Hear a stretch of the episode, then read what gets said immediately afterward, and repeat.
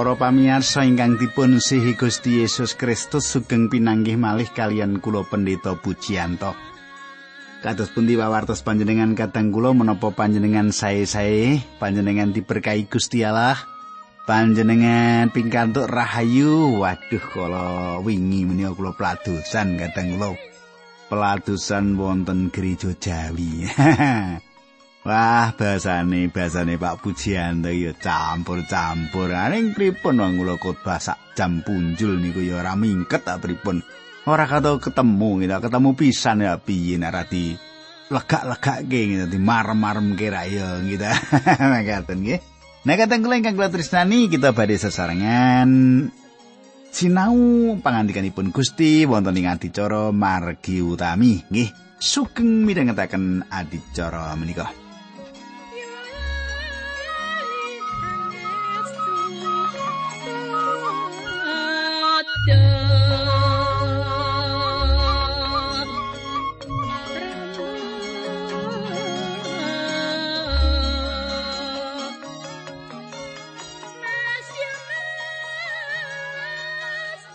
Para pamirsa menapa panjenengan tasih kemutan menapa ingkang kula aturaken duk nalika pepanggihan kepengker kita sampun nyemak bilih Gusti Allah mboten milu jengaken manungsa awit manungsa bangun turut dumateng pepakenipun Torat Kawilujengan tansah kedah kinantenan korban ingkang dipun pisungsungaken manungsa kanthi alandesan iman utawi kapiandelan. Ingkang sedaya menika ngarah dumateng rawuhipun Gusti Yesus Kristus. Nah, makaten ingkang kepengker Nah, menika kita lajengaken nanging saderengipun menika monggo kita tumungkul, kita ndedonga sesarengan. Duh Kanjeng Rama ingkang adhedhampar wonten kraton ing kasuwarken, kawula ngaturaken gunging panuwun. Menawi wekdal menika kawula saged tetunggilan kalian sederek-sederek kawula ingkang setya tuhu midhangetaken adicara menika. Kawula nyuwun Gusti nuntuni kawula berkahi kawula kanthi makaten kawula pikantuk kawruh kasukman ingkang nyataken gesang kawula. Dinambaran asmanipun Gusti Yesus Kristus kawula netunggal haleluya. Amin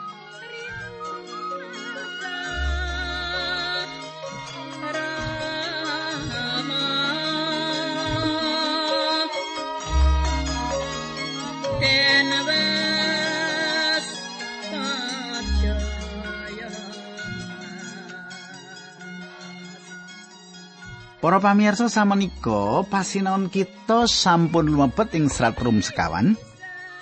Paulus kanthi gamblang meratelaken bilih manungsa menika dosa.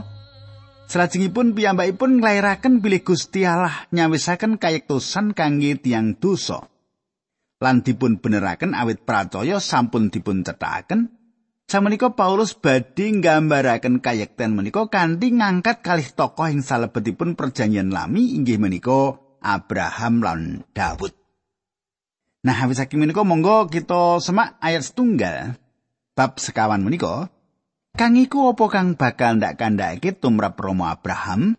Leluhur kita mungguh ing daging. Kadang tembung kang iku menika mbikak pasal menika nggayutaken pamedaring alesan menika kanthi menapa ingkang Paulus sanjangaken ing pasal kaping 3.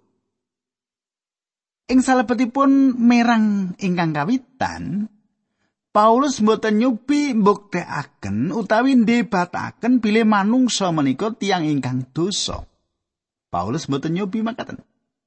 Salajengipun Abraham, bapa leluhur secara daging kita, meratelaken bilih bangsa Israel dipun wiwiti dening Abraham. Bapa leluhur manut kula inggih menika wedharan ingkang mligi ingkang khusus. Bapa leluhur meratelaken pentingipun nggayutaken Abraham ingkang kanthi urutan wekdal inggih menika ingkang kawitan lan ugi ingkang penting piyambak. Salajengipun munggu ing daging, menapa ingkang dipun sebat secara daging? Abraham mangertos bilih pakaryan pendamelanipun secara daging boten ngasilaken bombong ing manah nanging malah ngraosaken isin lan bingung. Abraham boten gadah menapa-menapa ingkang pantes dipun bombongaken. Panci Abraham inggih menika tiang ingkang ngedapi-dapi mliginipun kegayutan kalian Lot. Piyambakipun boten ngejaraken raja-raja Sodom lan Gomora nyukani ganjaran dumateng piyambakipun. Nanging ing perangan sanes Abraham boten pitados dumateng Gusti Allah lan piyambakipun nglolosaken diri dhateng Mesir. Perkawisipun kalian perawan Mesir lan lare ingkang dipun lairaken sanes satunggalipun perkawis ingkang dados bombongipun Abraham kateng kula. Coba kita lajengaken ayat kali, sebab yen Romo Abraham anggone kabenerake marga saka pendamele, panjenengane bisa kumunggung nanging ora ana ing ngarsane Gusti Allah. Para pamirsa, menawi Abraham dipun beneraken, dipun anggap bener awit tumindakipun liripun pendamel-pendamel daging, mila piyambakipun badhe angsal satunggalipun perkawis ingkang saged kangge gumunggung. Saged wonten ingkang kangge gumunggung. Nanging boten ing ngarsanipun Gusti Allah. Abraham saged gumunggung ing salebetipun badane pun nanging boten saged gumunggung ing ngarsane Gusti Allah. Wonten anggapan bilih Abraham nindakaken patrap ingkang sae ingkang dipun petang dening Gusti Allah. Lan kasunyatanipun panci Abraham nindakaken kathah patrap ingkang sae. Nanging patrap-patrap ingkang sae menika boten dados landesan kawilujengan nanging hasil kawilujenganipun lan hasil dipun beneraken awit iman. Yakobus lan Paulus mboten lelawanan satunggalan sanesipun wekdal Yakobus sanjang. Leluhur kita Roma Abraham iku apa ora awit saka penggawe-penggawe anggone kabenerake nalika nyaosake Kang Putra Iska ing Misbah. Panjenengan saged maos Yakobus kalih ayat selikur. Pendamel-pendamel ingkang dipun cethakaken Yakobus sanes pendamel-pendamel daging ke bawah pepakening Torat. Awit Abraham boten ke bawah pepakene Torat. Pendamel-pendamel menika pakaryan-pakaryan iman. Abraham pitados dumateng Allah. Lan piyambakipun misungsungaken Iska nanging menapa leres piyambakipun nindakaken boten. Gusti Allah ngendhekaken piyambakipun lan boten ngejaraken nyembelih larinipun kenging menapa awit tumindak mekaten menika lepat Paulus lan Yakobus nyuplik ayat ingkang sami ana dene Rama Abraham pracaya marang Gusti Allah. Monggo ya iku kang kaitung dadi kasampurnane. Panjenengan saged maos purwaning dumadi kang 11 ayat 6 Purwaning dumadi bab kali ayat 13 lan rum sekawan ayat 3. Panji dipunakeni menawi Abraham sampun nindakaken pendamel-pendamel ingkang saged ndadosaken bombongipun nanging piyambakipun boten nate saged bombong badanipun ing ngarsanipun Allah. Awit Gusti Allah boten nampeni pendamel daging. Pendamel daging boten nate awet ing ngarsanipun kasuncenipun panjenenganipun. Samenika kula lajengaken ayat 3, sebab apa kang kapratelakake ing ayating kitab suci, Rama Abraham banjur percaya marang Gusti Allah lan iya bab iku kang kaetang dadi kabeneran tumrap panjenengani dening Gusti Allah. Para pamirsa. Paulus nganggep kitab suci ingkang kuwaos piyambak. Paulus gadah kapitayan, gadah anggapan kitab suci menika ingkang kuwaos piyambak. Kitab suci menika leripun Gusti Allah ngandikan. Kados menapa kula gadah pengajeng-ajeng kathah tiyang ingkang meratilaken bilih badanipun menika penginjil laras-laras pitados pangandikanipun Allah. Inggih menika pangandikanipun Gusti Allah ingkang liripun Gusti Allah ngandikan. Paulus metik langsung saking perjanjian lami. Kirang langkung kaping sewidak wonten ing salebetipun serat kiriman menika. Pametikipun menika mesti kemawon dipun pendel saking purwaning dumadi kang 11 ayat 6. Romo Abraham kumandel marang Sang Yehuwah mongko yaiku kang kaitang dening Sang Yehuwah dadi kasampurnani. Kadang kula janji ingkang salajengipun dipun paringaken dumateng Abraham ing wekdal piyambakipun ngaturaken pitakenan dumateng Gusti Allah. Purwaning dumati kang saet kalih duh Yehuwah Allah. Kawula badhe paduka paringi menapa? Dene anggen kawula tilar donya menika badhe tanpa anak. Kadang kula Gusti Allah mboten maringi jaminan kajawi neguhaken janji bilih turunipun kados lintang ing langit. Kanthi tembung sanes Abraham saestu pitados dumateng Allah. Piyambakipun nampi golong gilik pangandikanipun Allah lan piyambakipun sumende dumateng pangandikan menika. Nevel ngringkes mekaten ora ana pikurmatan utawa lelabuhan kanggo Abraham kanthi kumandel Allah kang setya kang ora bisa duro. Pikurmatan ana ing Allah. Nalika Abraham percaya marang Allah, dheweke nindakake sak prakara kang bisa ditindakake manungsa tanpa kudu nindakake apa-apa. Allah maringi pratelo. Allah maringi janji. Allah nindakake kanggo nganepi. Abraham pitados sing salebetipun manahipun bilih Gusti Allah badhe ngendika ingkang leres. Mboten wonten pambudidaya ingkang dipun dalaken ing mriki. Kadang kula iman Abraham sanes satunggalipun pandama nanging patrap. Manahipun saestu-estu ngungkuraken badan piyambak lan ngarahaken manahipun dumateng Gusti Allah lan janji panjenenganipun. Manahipun diarahaken dumateng Gusti Allah lan janjinipun, janjinipun Gusti Allah tentunipun nggih. Iman sanes ugi lelabuhanipun Abraham.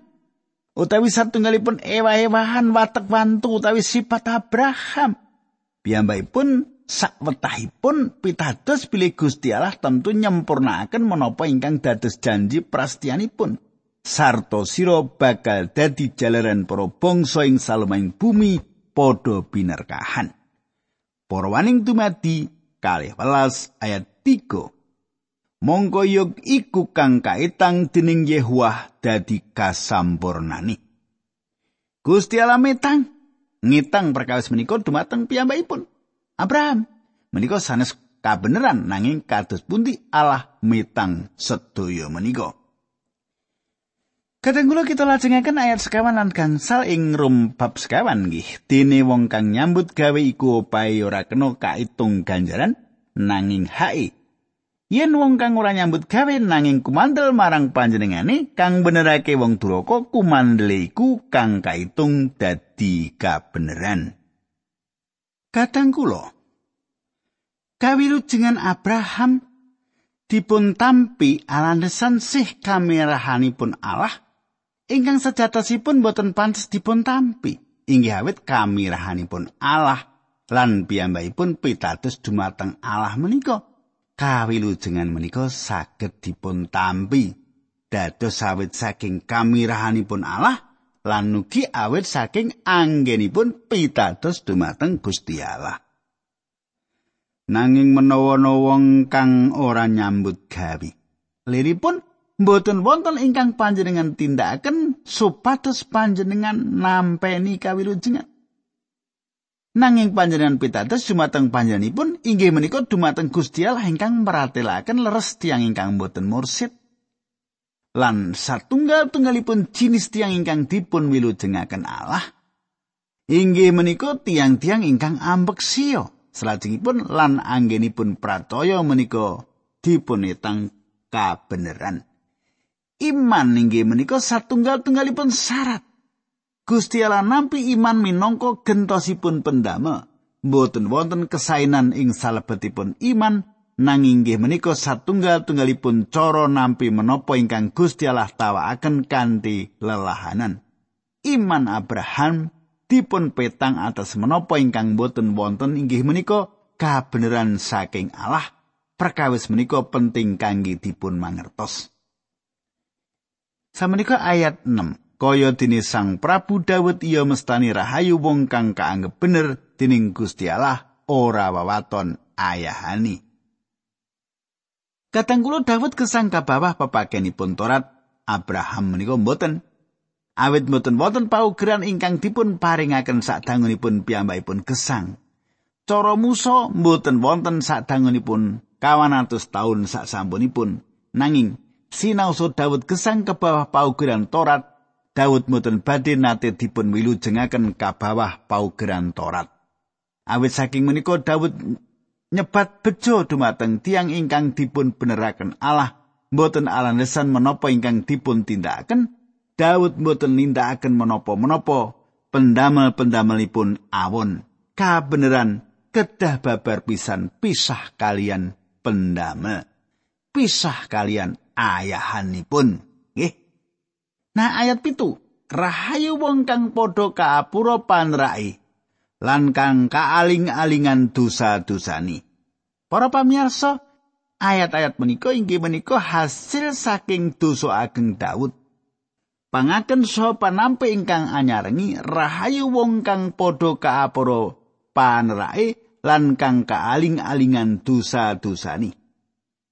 Menawa panjenengan salah setunggal tiang ingkang rahayu ing wekdal menika, rahayu utawi rumah bejo meratilaken kabingan agung lan saestu ngidapi-dapi atas dosa-dosa ingkang dipun apunten. Inggih menika pratelo ingkang agung piyambak. Lan Daud mangertos pratelo menika awit pengalaman. Panerak ing mriki inggih menika panerak dumateng paugeran. Daud kanthi sengaja nerak paugeran. Piyambakipun mangertos menapa ingkang dipun tindakaken nanging piyambakipun dipun apunten. Diapura inggih menika pangapunten ingkang gumathok lan sempurna. Hakim ingkang keras ing sangandaping kahanan-kahanan mligi saged nyukani pangapunten dumateng kalepatan. Nanging perkawis menika meratelaken gegayutan lembah manahipun Gusti Allah kanthi nuntun tiang-tiang dosa menika kanthi sih katresnan. Dosa-dosanipun dipun tutup kados pundi saged awit Gusti Yesus Kristus sedo lan netesaken rahipun. Ayat 8 Rahayu wong kang kaluputane ora kaitang dening Gusti Allah. Kanthi tembung sanes kadang kula abingah bingao manungsa ingkang kalepatanipun boten dipun lebetaken ing salebetipun catetanipun. Dawuh iki menika tiyang ingkang dosageng lan Gusti Allah nyucikaken dosanipun kados dene ingkang dipun pratelakaken Nabi Nathan dumateng piyambakipun. Nathan sanjang dumateng Daud sang Yewah sampun ngruwat dosa dalem panjenengan dalem boten badhe sedo. Kali Samuel kali welas ayat 13. Sino sekados makaten Daud dipun patrapi paukuman. Daud milih paukuman ingkang kedah dipun tampi piyambak. Ing wekdal piyambakipun atur wangsulan menapa ingkang dipun sanjangaken, Nathan gegayutan tiang sugih ingkang mendet mindo setrinipun tiang melarat. So cempe estri punika mesti kalintonan tikel sekawan kali Samuel kali welas ayat 6. Sekawan larinipun Daud dipun pecahi lari-larinipun Betseba, Amnon lari mbajengipun Absalom lan Adonia. Kasangsaran menika andadosaken ngenesipun Daud ing gesangipun. Katenggulo kita lajengaken ayat songo. Anggone mestani rahayu iku. Apa mung tumuju marang wong kang tetak wae, apa ya marang kang padha ora tetak uga. Aku rak wis tutur mungguh kumandel iku tumrap Roma Abraham kaitang dadi kabenerani. Kadang kula samenika pambelanipun malih dumateng Abraham kangge nggambaraken kekayutan kabeneraken menika sawetahipun. Awit Daud meratelaken kekayutan manungsa ingkang kabawah paugeran ingkang sampun dipun apunten jawaban bangsa Yahudi nggih menika awit Daud ngakeni tetek lan namung ingkang dipun tetai ingkang saged ngajeng-ajeng kabingan menika.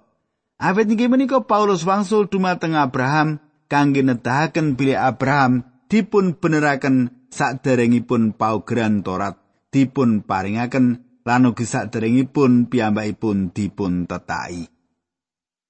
Ayat sedoso dene anggone kaetang mengkono iku genahe kepriye? Sadurunge apa sawise supit? Ora sawise supit nanging sadurunge.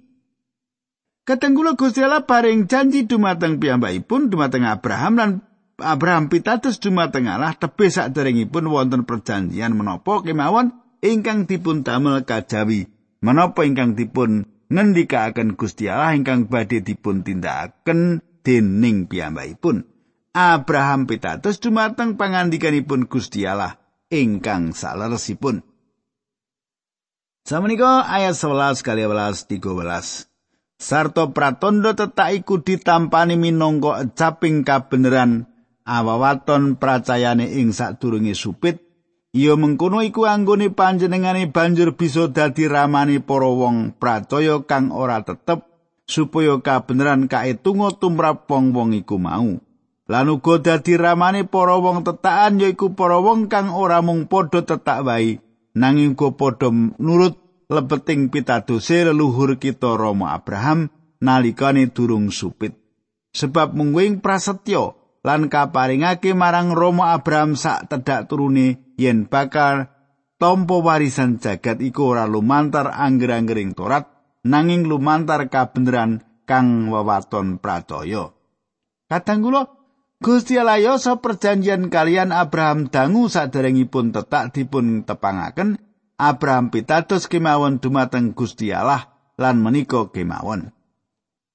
Ayat 18 ngantos 16 awit menawa wong-wong kang pangarep-arepe lumantar angger-anggering torat padha melu tampa panduman kang kaprastiake Gusti Allah pracaya iku banjur dadi muspro lan prastiani dadi batal amarga angger-anggering torat iku nekake bebendu nanging ngendi ora ana angger-anggering torat ing kono ya ora ana panerak Mulane kabeneran iku ada dasar pracaya supaya mujudno sih rahmat. Kadang kula Gusti Allah milu cengaken Abraham namung awit iman. Abraham dipun beneraken saestu-estu awit iman ing salebetipun patangin. Ayat 19 lan pracayane ora dadi kendo senatan ngraosaken yen sarirane wis lungsi awit yusane wis watara 100 taun sarta menawa ibu Sarah wis lungsi ing wanci. Kadang kula mboten wonten satunggal perkawis ing sakiwa tengenipun Abraham ingkang saged dipun ndel. Dipun raosaken malah ingkang saged dipun tingali. Setunggal-tunggalipun ingkang piyambakipun tindakaken inggih menika pitados dumateng Allah, menika ingkang penting piyambak. Ayat kali dosa Ewa samono panjenengan tetep ngugemi prasetyane Gusti Allah tanpa mangu-mangu kang awit saka pama itu nanging malah panjenengane kasantosake ing percayane sarta ngluhurake Gusti Allah. Para pamirsa, Abraham boten ningali kahananipun lan ngarahaken paninganipun dhateng janji. Piyambakipun pitados dumateng janji menika ing sakjawinipun kasunyatan pilih kahanan-kahanan ingkang dipun sandang saged ngicali janji menika. Abraham nyumendhekaken kapitadosanipun menika dumateng janji menika awit Gusti Allah ingkang maringi janji menika. Kanthi makaten piyambakipun manembah Allah. Panjenengan temtu mangertos menawi manungsa dipun titahaken kangge ngluhuraken Gusti Allah. Awit manungsa boten bangun turut manungsa nindakaken ingkang kosok wangsulipun satunggal-tunggalipun cara supados panjenengan saged ngluhuraken Allah. Inggih menika pitados dumateng panjenenganipun. Ayat selikur. Kanti ing pengandel menawa Gusti Allah mesti kuwaos nindakake apa kang wis kaprastiake. Kanti ing pengandelipun Piyambakipun pitados saestu, mboten wonten wewengan kangge mangu-mangu. Ayat kalih mulane bab iki kaitang dadi kabenerane. Katang kula Gusti Allah meratelaken Abraham leres awet imanipun dumateng janji Allah kangge nurunaken lare jaler saking kuburing pati inggih menika kandutanipun Sarah. Gusti Allah paring janji gesang langgeng dumateng tiang-tiang ingkang pitados pilih panjenenganipun mungokaken putranipun piyambak saking kubur Yusuf Arimatia papan sedanipun. Ayat 23 ngantos 24. Tetembungan iki ya iku bab iki kaetang tumrap panjenengane iku anggone katulis ora mung mriki kagem Roma Abraham wae. Nanging ya katulis kanggo kita uga sebab kita bakal kaetung kaya mengkono uga awit kita padha pracaya ing panjenengane kang wis mungokake Gusti Yesus ya Gusti kita saka ing antarané wong mati. Kadang kula kubur satunggalipun papan pati nanging saking mriku tuwuh gesang. Abraham pitados dumateng Gusti Allah lan inggih menika ingkang Gusti Yesus kersakaken ing wekdal panjenenganipun ngendika, Romo Abraham leluhur murena penggalihe dene bakal nguningani ing dinaku lan iya wis nguningani sarta ndadekake bingai. Yohanes 8 ayat 56. Ayat selangkung rum sekawan yaiku Gusti Yesus kang wus kaulungake awit saka panrak kita sarta kawungokake awit saka anggon kita padha kabenerake. Kadang kula inggih menika iman boten binates sing sedanipun Sang Kristus nanging ugi ing bungunipun. Gusti Allah beneraken sinten ingkang pitados bab sedanipun lan bungunipun Sang Kristus kados menapa ngidap-idapipun. Menapa panjenengan sampun tebih panjenengan jumangkah sesarengan kalian Gusti Allah? Menapa panjenengan pitados dumateng panjenenganipun menika pitakenanipun? Monggo kita ndedonga sesarengan. Kanjeng Rama ing swarga kawula matur nuwun kawula sampun njarwakaken pangandikan Paduka Gusti berkahi dinambaran asmanipun Gusti Yesus Kristus kawula ndedonga haleluya amin